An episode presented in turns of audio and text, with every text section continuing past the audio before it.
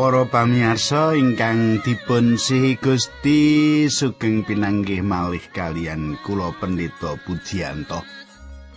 Kula badhe sesarengan kalian panjenengan wonten ing salebetipun adicara margi utami adicara ingkang sampun dados kelangenan panjenengan.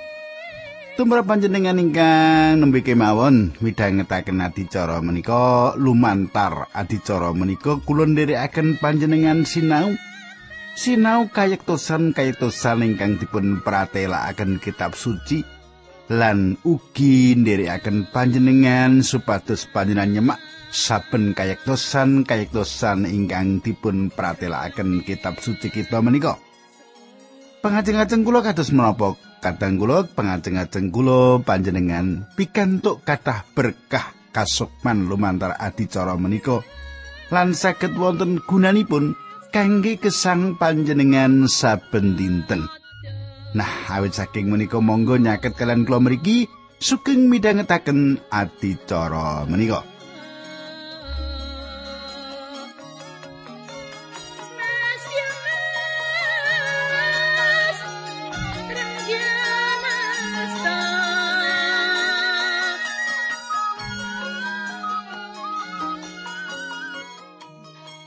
Para pamirsa ingkang kula tresnani, tentunipun menapa ingkang kita sinau menika urutan nggih saking kita purwaning dumadi ngantos dumugi kitab Wahyu. Nah, samenika sampun dumugi kitab Ester nggih. Maka ingkang kepengker kula sampun ngerampungaken serat kalih Korinta nggih. Lan samenika pasinon kita lumebet ing kitab Ester.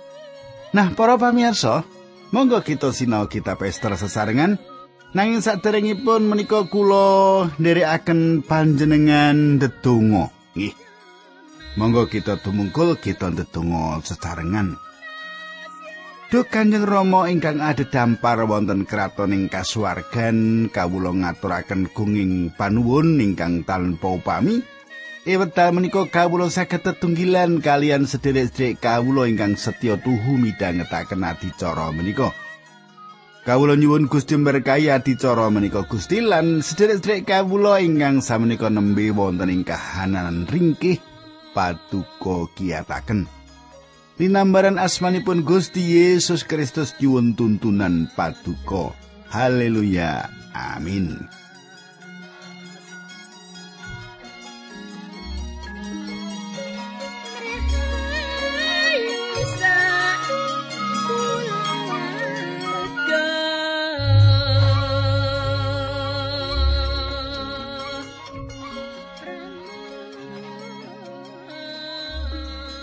Para pamirsa kita samenika mlebet ing kitab Esther.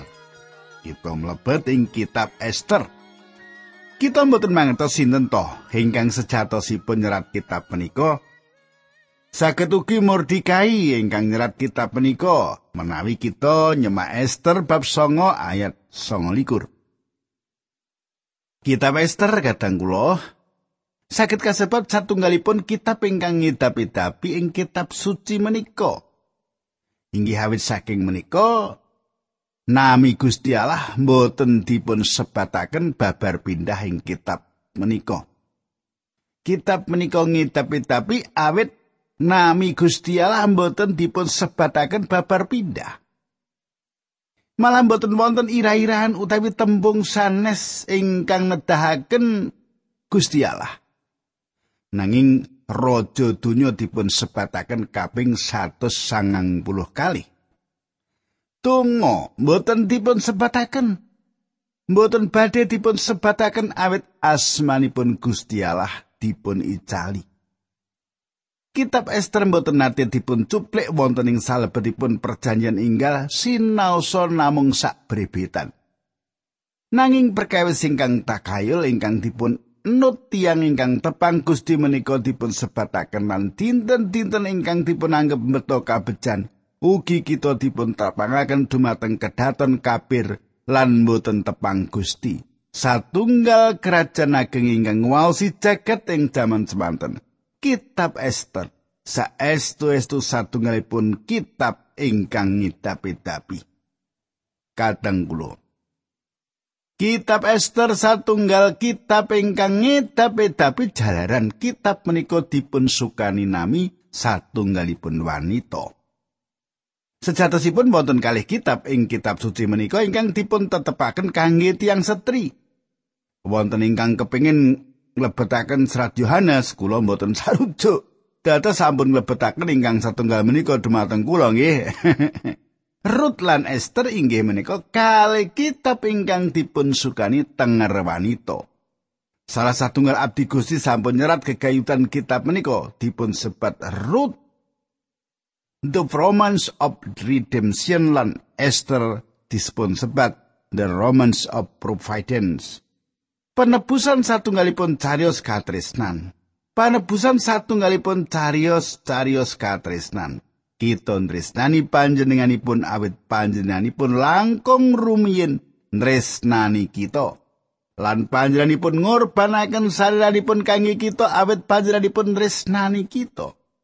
Kitab Esther satunggalipun carios katresnanipun ingkang nitahaken samukawis. Sayektosipun menika satunggalipun cara panjenenganipun nuntun sedaya ingkang sampun dipun titahaken. Wangsul dhateng kitab pangandaring Torat.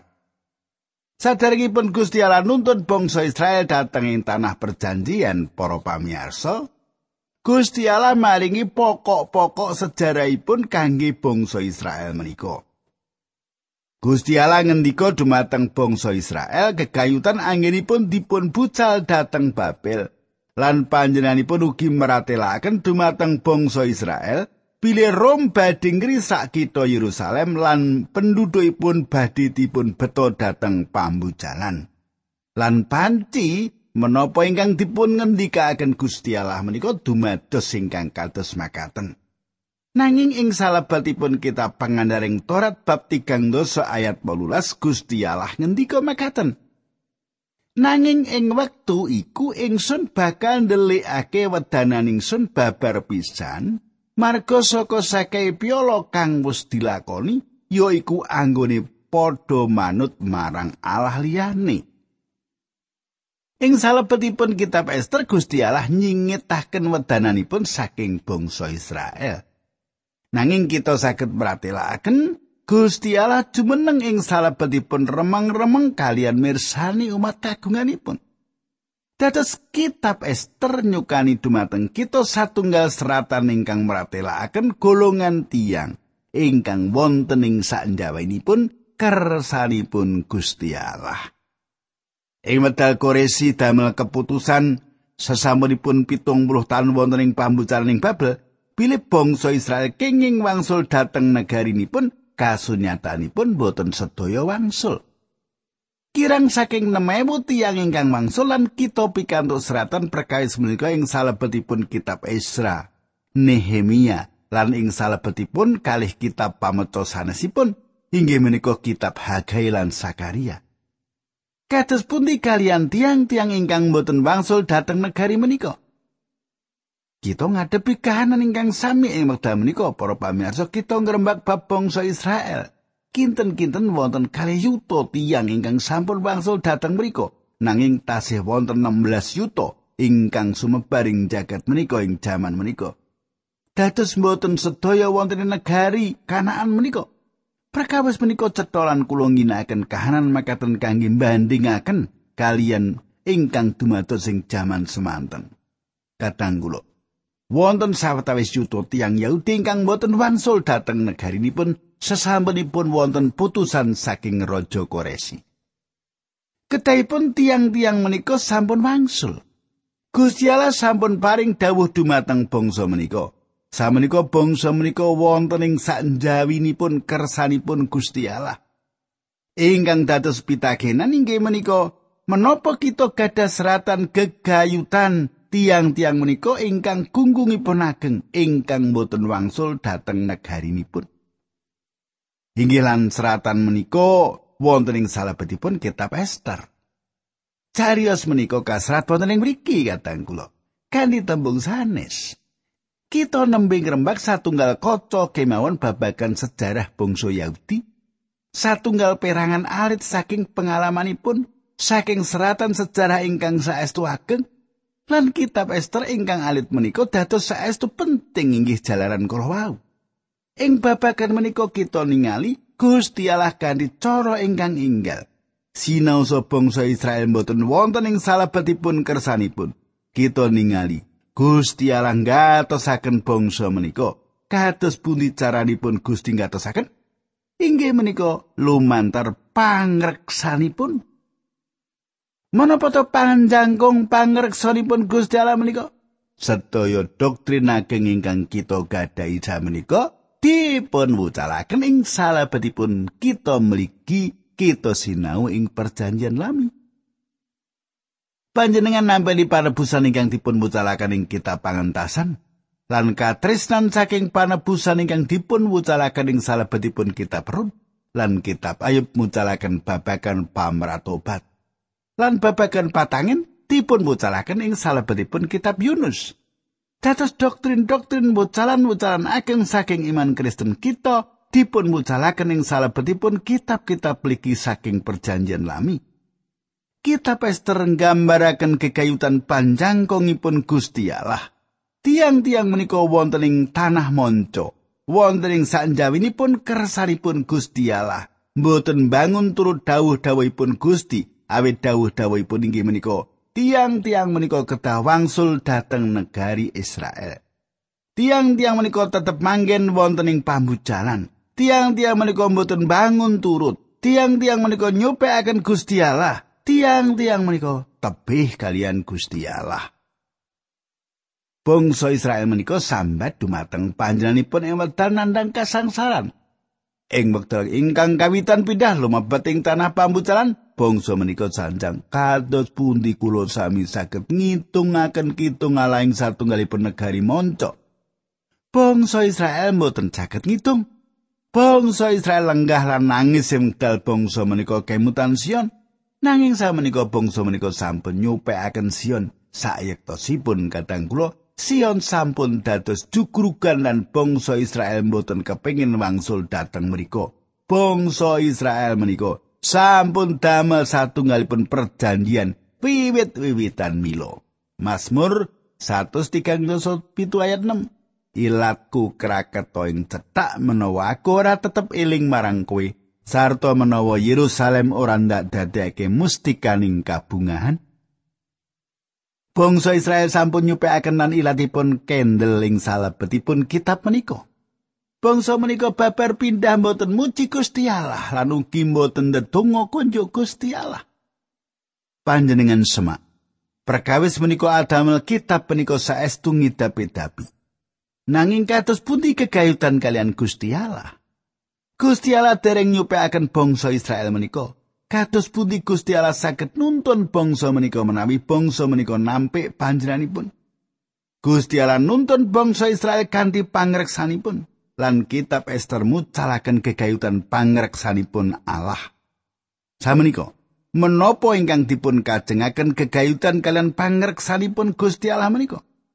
Menapa panjenengan kersa ngapunten kula menawi kula nglebetaken pikiran-pikiran teologi sekedap kemawon. Menawi panjenengan ngersakaken pangertosan, kados makaten pangertosanipun secara teologi, pangreksanipun Allah inggih menika cara-cara ing pundi Gusti Allah ngarahaken samukawis. Sae barang gesang ugi barang pecah. Ketinggal lan boten ketinggal. sae lan awon dumateng satunggal tujuan ingkang aji ingkang ateges kersanipun panjenenganipun ing pungkasanipun ingkang lumampah. Utawi kados ingkang dipun ngendikaken priyantun ingkang nyerat Mazmur kerajane mengku samu barang kabeh Mazmur 103 ayat 19 Ing salebetipun Efesus setunggal sewelas Paulus meratelaken dumateng kita bile Gusti Allah. Makaten surasipun ya ana panjenengane kowe kabeh sawise pracaya uga padha kaacap ing roh suci kang kaprastiake iku Kadang kula wonten tigang tembung ingkang kedah tansah kita emut saderengipun mangertos kanthi leres gegayutan pangreksanipun Gusti Allah ing kalian barang-barang ing jagat raya lan manungsa mliginipun Tembung ingkang kawitan inggih menika gegayutan panciptan utawi titah. Kita mangertos kegayutan panciptan bilih Gusti Allah kanthi pangandikanipun Gusti Allah ndhawuhaken dumateng jagat raya supados kaujudan. Menapa panjenengan gadah keterangan ingkang langkung sae? Menawi panjenengan gadah keterangan ingkang langkung cetha, kula kepengin mirengaken. Jujur kemawon, kula dados radi kaganggu dening sawetawis dosen ingkang sejatosipun sanes ahli ilmu pengetahuan nanging piyambakipun tindak kados-kados ahli kegayutan kados pundi evolusi bangun manungsa. Menapa panjenengan saged nyetakaken dumateng kula saking pundi sedaya jat ingkang lengket? Asamilanipun saking pundi bumi lan manungsa menika nglampahi evolusi. Kapan kesanging bumi menika kawiwitan? Menapa bumi lan manungsa menika cikal bakalipun saking boten wonten? Ampun ngantos panjenengan sanjang menawi bumi menika sampun dangu wonten.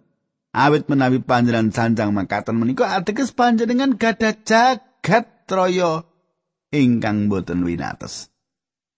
Menawi panjenengan gadah jagat raya ingkang tanpa minates pramila panjenengan gadah tiang ingkang boten minates ingkang ngatur samukawis. Gitu? Kita wonten ing permasalahan. Namung wonten kali keterangan kangge jagat raya ingkang kawitan inggih menika untung-untungan evolusi timbul saking tembung menika lan saderengipun dumados evolusi wonten teori-teori sanes. Sedayanipun sampun lan badhe jajur muwur, sedayanipun namung untung-untungan. Keterangan kaping kalih inggih menika pratelo bab kawahyon. Satunggal-tunggalipun margi dateng pundilan kulo, mesti kemawon minangka pejeripun tiang Kristen saged mangertos kados pundi jagat raya menika asamilanipun inggih menika kanthi iman. Kita mangertos bilih Gusti Allah nitahaken jagat raya menika lan satunggal-tunggalipun cara ing pundi panjenengan kula saged mangertos inggih menika lumantar wahyu utawi pratelo. Rom sedasa ayat pitulas. Dadine pracaya iku nukulake awit saka pangrungu, sarta pangrungu iku marga saka pangandikane Sang Kristus. Para pamirsa, salajengipun ingkang kaping kalih menika gegayutan ingkang ngurus. Tembung menika satunggal tembung ingkang ngidapi-dapi. Lumantar pangreksanipun Gusti Allah jagat raya dipun kendhaleni. Ibrani 3 ayat tunggal meratelaken dumateng kita pilih Sang Kristus. nyonggo kabeh kang ana kanthi pangandikane Gusti kang kebak panguwasa. Kolose setunggal ayat 17 meratelaken panjenengane iku ana sadurunge samubarang kabeh ana lan samubarang kabeh iku anane ana ing panjenengane. Menapa ingkang ngraketaken ingkang nyonggo jagat raya menika? Menapa ingkang dados jalaran saged maidai kados jam ing wedal menika kanthi makaten manungsa saged dipun kintun dateng bulan lan saged dugi kangge mangertos papanipun bulan kados menapa wontenipun. Para ilmuwan ngintun alat-alat tumuju Mars lan tiang-tiang menika mangertos papanipun lintang Mars. Panjenengan gadah pikiran bilih satunggalipun perkawis ingkang ngetapi-tapi bilih manungsa saged nindakaken perkawis ingkang kados makaten. Nanging kula gagal satunggalipun perkawis ingkang ngetapi-tapi awet kita gadah jagat raya ingkang obah musipun kados dini jaman ing wedal samenika. Sinten ingkang ngobah musiken menika? Gusti Yesus Kristus ingkang ngatur lampahipun jagat raya menika. Panjenenganipun ingkang nyonggo samukawis kanthi panguwas pangandikanipun. Para pamirsa, tembung ingkang kaping 3 inggih menika pangreksanipun Gusti Allah. Inggih menika tembung ingkang badhe kita rembak ing salebetipun kitab Ester menika. Pangreksanipun Allah inggih menika cara Gusti Allah ngatur jagat raya. Panjenenganipun ingkang ngatur ing ngajeng, panjenenganipun ingkang nuntun dhateng mangsa tembe kanthi pangersanipun, pangersanipun Gusti Allah ateges nyawisaken. Gusti Allah badhe nyawisaken emut ingkang dipun pratelakaken Abraham ing puncak Gunung Muria. Emut piyambakipun lan larenipun kisah dhateng gunung menika misungsungaken korban. Tiang kalih menika gadah samukawis ingkang dipun betahaken kajawi korbanipun para waning duadi kalih likur ayat pitulan bolu meratela akan makaten. Iska banjur matur marang Kang Romo, Romo, paring bangsulane Romo Abraham, ana apa ngir anakku? Ature Kang Putra, lah punika latulan kajengipun sampun wonten nanging cempe ingkang kadamel korban obaran wonten ing pundi? Romo Abraham mangsuli pangandikani, Munggo cempe kang bakal kagawe korban obaran iku Gusti Allah piyambak kang bakal nyadiani anakku nggih. Mengkono sakrone padha tindak sesarengan. Sewu sangang atus tahun selajengipun Gusti Allah nyawisaken cempe ing jejering gunung ingkang sami ingkang ngarah dhateng Yerusalem ing gunung Golgota. Gusti Yesus Kristus dipun salipaken. Yohanes tunggal ayat 29 ngendikaken, "Delengen iku cempe ning Allah kang ngilangi dosane jagat. Para pamirsa, Gusti Allah nyawisaken. Pangreksanipun Gusti Allah liripun bilih astanipun Gusti Allah cawe-cawe ing salebetipun lelampan-lelampan ingkang dumados sing tengah-tengahipun manungsa. Gusti Allah wonten ing tengah-tengahipun tangisan bayi alit lan ing manahipun wanita ing pinggir kali Nil ing wekdal putri prengon siram. Gusti njiwit bayi alit lan ngejaraken bayi menika nangis Tangisanipun renyuhaken manah putri prengon. Gusti Allah ngginakaken lelampahan menika kangge ngribah nasibipun satunggalipun bangsa. Inggih menika pangreksanipun Gusti Allah. Inggih menika astanipun Allah ingkang makarya. Kita pester nyawisaken kita kanthi conto ingkang ageng piyambak gegayutan pangreksanipun Gusti Allah. Sinaosa asmanipun boten nate dipun sebataken kita ningali pangreksanipun saben dinten ing saben kita maos kaca-kaca kitab alit ingkang ngidapi-dapi menika. Monggo kita wiwit ningali Esther setunggal. Pasal menika ingkang dipun pendet saking sejarah bangsa ingkang boten tepang Gusti Allah dipun sisipaken wonten pangandikanipun Allah kangge tujuan ingkang saestu cetha kangge mucal kegayutan pangreksanipun Allah. Carios menika dipun wiwiti kanthi paugeran saking satunggalipun raja ingkang manembah brahala lan satunggalipun kangelan ingkang dipun lampahi inggih menika masalah ing salebetipun bali somahipun. Nggih menika bali somahipun sang raja menika piyambak nggih. Carios menika satunggalipun carios pribadi ingkang wonten ing kerajaan menika nanging gadah akibat ingkang ageng. Bab setunggal ayat setunggal nalikane jamane Sang Prabu Ahasiweros yaiku Sang Prabu Ahasiweros kang ngratoni tlatah 117 wiwit saka ing India tutuk ing Ethiopia. Kawitan kita kedah mangertos bilih Ahasiweros sanes nami saking tiang menika nanging menika satunggal sesebatan. Nami menika ateges bapak ingkang dipun luhuraken utawi raja ingkang dipun ajeni. Sami kados dene kaisar menika ugi satunggalipun sesebatan. Sesebatan menika mboten nepangaken tiyangipun. Kateng kula, manut kula Ahasiweros saking kitab Ester menika inggih menika Ahasiweros agung saking Persia. Awit piyambakipun menika ingkang dados jalaran kerajaan Persia ngalami kejayaan lan misuwur. Ahasiweros menika satunggal raja saking wetanan ingkang ngawonaken negari-negari kilenan lan menapa ingkang dipun tindakaken menika saestu ngidapi-dapi Ahasiweros nyepeng pusaraning pemerintahan saking India ngantos Ethiopia. Kerajaan menika sak panjangipun daerah lengkung kasuburan ingkang dados punjering jagat. Kula lajengaken ayat kalih lan tiga. Ing jaman semono nalika Sang Prabu Ahasiweros lenggah ing damparing keprabone ana ing beteng kedatone ing Susan.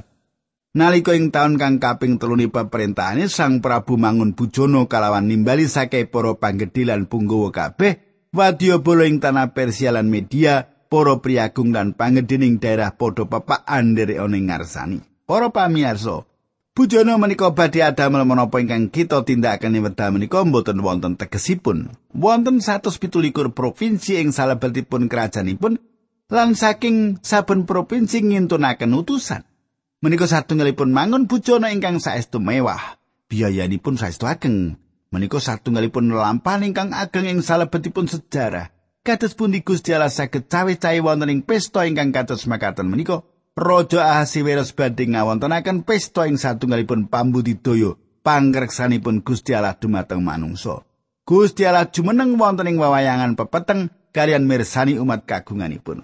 Ayat sekawan. Ing kono Sang Prabu mamerake kasugiyane krajani kang mulya, kaendahaning kaluhurane kang sumenar pirang-pirang dina suwene nganti 180 dina. Kadang kula sadangunipun 181 dina Ahasiweros nyugata tiang-tiang menika. Piyambakipun ngawontenaken bujana Andrawina nedha siang sadangunipun 6 wulan. Pesta menika nedahaken kasugihan lan ugi Mewahipun ugi wawatekan saestu saking kerajaan wetanan menika. Kados ingkang sampun kula tedaken jalanan ingkang kadingal cetha, Ahasiweros sampun ngulemi sedaya pengajeng lan para pengawat saking pundi-pundi wilayah kerajaanipun piyambak saged pikantuk pasengkuyung golong gilik ing saben operasi prajuritipun kangge ngrebut Yunani lan adamel badanipun dados panguwas tunggal ing jamanipun. Pesta menika panci kangge nyengkuyung ingkang dados rancanganipun ngrebut negara-negara ing sisih kanan kelingipun supados piyambakipun dados panguwasa ingkang tunggal. Nah, para pamirsa monggo kita tumungkul kita ndedonga. Dukane Rama ing swarga kawula ngaturaken gunging panuwun menawi kawula sampun miwiti sinau kitab Ester. Supados para pamirsa paduka siapaken ing dinten tandhaipun para pamirsa tetep pindhangetaken adicara menika supados kawruh kasukmanipun jangkep. Dinambaran asmanipun Gusti Yesus kawula ndedonga haleluya amin